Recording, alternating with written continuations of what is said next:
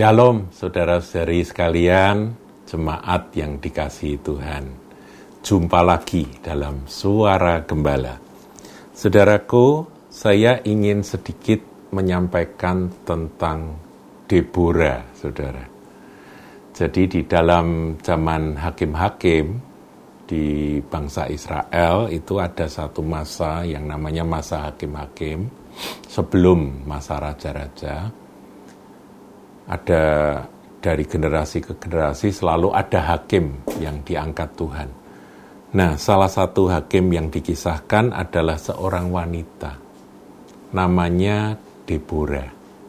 Deborah ini eh, seorang ibu ya, dia istri dari Lapidot. Kita lihat saja saudaraku ya.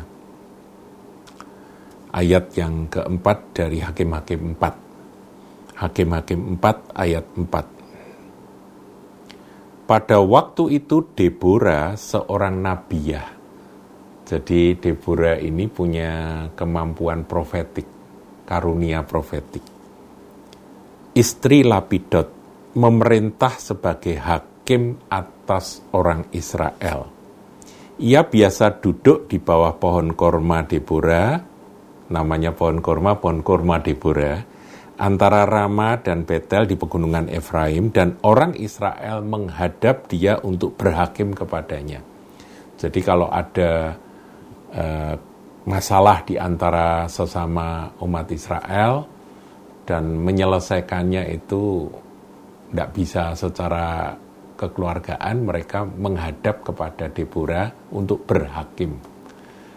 Yang salah siapa gitu ya, nanti Deborah ngambil keputusan.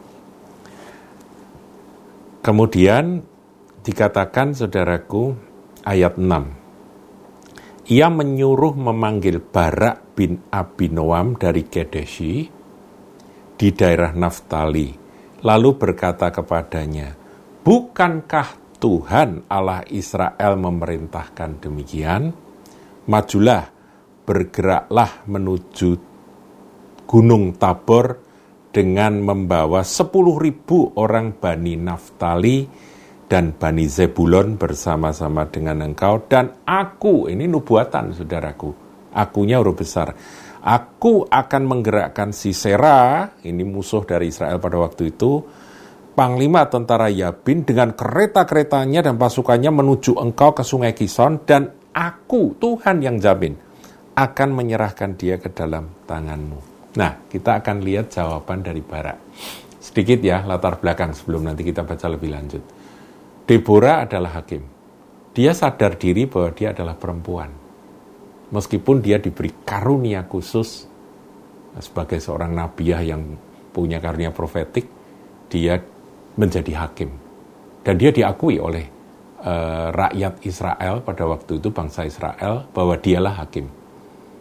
Nah, pada waktu itu Israel sedang diancam bahaya dari musuh, yaitu eh, Raja Yabin yang punya panglima yang namanya Sisera yang hebat sekali, saudaraku, yaitu orang Kanaan ya. Yang tentaranya dikatakan ada 900 kereta besi. Nah, itu nindes orang Israel, jadi ganggu terus. Nah, Deborah dapat firman Tuhan bahwa Tuhan akan menyelesaikan masalah Yabin dan Sisera itu, saudara. Gangguan dari Sisera itu. Yaitu caranya dia memanggil Barak. Jadi dia tidak maju sendiri. Enggak. Dia sadar diri bahwa dia adalah perempuan. Luar biasa ini seorang hakim wanita yang tetap kewanitaannya dijaga. Dia panggil ada seorang laki-laki yang dia lihat bisa jadi pemimpin yaitu Barak. Saudara tahu arti Barak itu apa? Guntur, saudaraku ya. arti Barak itu jadi mungkin suaranya keras begitu ya Barak. Kalau ngomong itu keras suaranya. Sedangkan arti Deborah itu apa? Tawon. Tawon itu uh, ngungung-ngungung itu ya suaranya tidak terlalu keras. Yaitu arti namanya saja. Tuhan sudah berfirman bahwa nanti kalau kamu maju ke Gunung Tabor, ya, kamu bawa Bani Naftali dan Zebulon, nanti aku akan menggerakkan Sisera untuk nyerang kamu. dan nanti ya di di Sungai Kison aku akan menyerahkan Sisera ke dalam tanganmu. Tangan siapa, saudara? Tangannya Barak.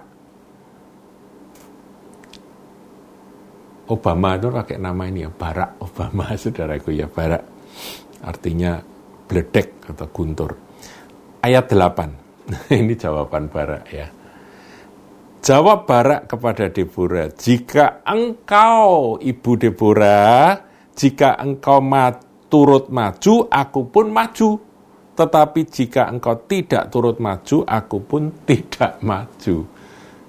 Lah ini laki-laki dipilih supaya apa? Supaya kamu ini bisa tampil dan uh, menjadi pahlawan Israel begitu loh. Diberi kesempatan sudah dijamin sama Tuhan. Deborah sadar bahwa dia seorang wanita. Sudahlah, yang perang kamu aja nanti yang kamu uh, nama baik, kemuliaan dan sebagainya nanti kamu yang dapat. Itu Deborah itu ndak ndak cari kemuliaan, saudara. Dia tahu bahwa Tuhan menetapkan demikian, dia sampaikan. Eh, baraknya yang nggak berani, saudara. Barak itu kurang iman. Dia mungkin takut gentar ya pada pada Sisera yang itu kereta besinya itu begitu banyak. Takut dia, takut. Dia berlindungnya pada Deborah terus. Padahal dia sudah disuruh maju. Kalau engkau ikut maju, Ibu Deborah, aku pun maju. Kalau engkau tidak turut maju, aku ya moh, aku nggak mau. Begitu. Barak itu seperti itu, saudara. Ayat 9, perhatikan, ini penting untuk kita. Kaum lelaki, kaum pria, Anda kalau sudah ditetapkan Tuhan untuk tampil, ya sudahlah, majulah. Tanggung resiko. Untuk itulah Anda diciptakan sebagai kaum pria. Kaum wanita yang dipakai Tuhan luar biasa, belajarlah dari Deborah biar laki-laki yang maju. Ma masa itu mungkin nggak ada laki yang yang yang takut Tuhan, yang mencari Tuhan sehingga pengurapannya terpaksa jatuh ke Deborah begitu. Tapi Deborah tahu aku seorang ibu, aku seorang wanita. Aku ini terbatas. Jadi biarlah laki-laki yang maju.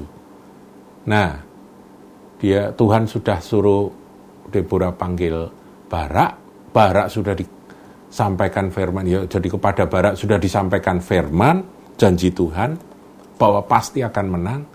Nggak mau berangkat. Maunya gimana? Kalau ibu ikut aku ikut. Kalau ibu nggak ikut aku yang nggak mau. Tidak berani menanggung risiko itulah barak saudaraku dia terus berlindung di balik ibu Deborah terus Kata Deborah ayat 9 perhatikan. Baik, aku turut.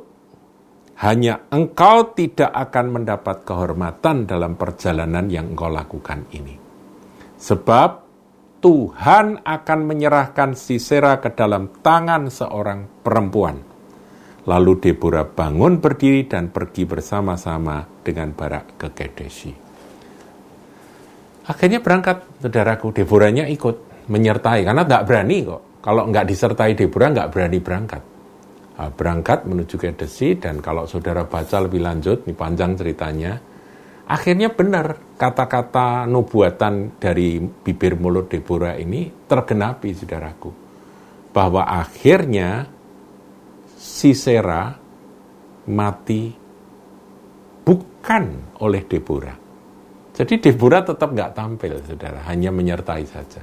Tapi yang mestinya Sisera matinya oleh oleh Barak, akhirnya Sisera mati di tangan seorang perempuan, yaitu Yael. Nanti sudah lihat uh, berikutnya bagaimana kisahnya kematian konyol dari Sisera yang dibunuh oleh seorang perempuan yang bernama Yael. Ini adalah bayang-bayang atau gambaran, saudaraku, bahwa Deborah ini sebuah contoh seorang pemimpin wanita yang tetap menjaga akan menyadari bahwa dirinya adalah seorang perempuan. Barak, contoh seorang laki-laki yang tidak berani tampil dan ambil tanggung jawab meskipun sudah dinubuatkan, sudah disert, apa, sudah dijamin oleh Tuhan, tetap nggak berani. Itulah Barak. Sehingga akhirnya kematian dari Sisera itu dilakukan oleh Yael. Bukan Deborah, saudaraku. Deborah tetap enggak, tapi katanya terjadi. Ya, itulah kisah yang sebetulnya eh, pesannya bisa kita petik, saudaraku. Kaum pria, jangan bela jangan seperti barak, saudaraku. Tapi Anda harus belajar untuk berani bertanggung jawab. Bukan berarti sok-sokan, bukan. Tetap karena Tuhan. Beraninya karena Tuhan. Dan kaum wanita, Anda bisa dipakai Tuhan menjadi pemimpin. Ketika yang pria-pria itu semuanya tidak ambil tanggung jawab, maka kadang-kadang Tuhan angkat wanita-wanita menjadi pemimpin-pemimpin. Itulah yang dikisahkan di dalam hakim-hakim. Tuhan Yesus memberkati.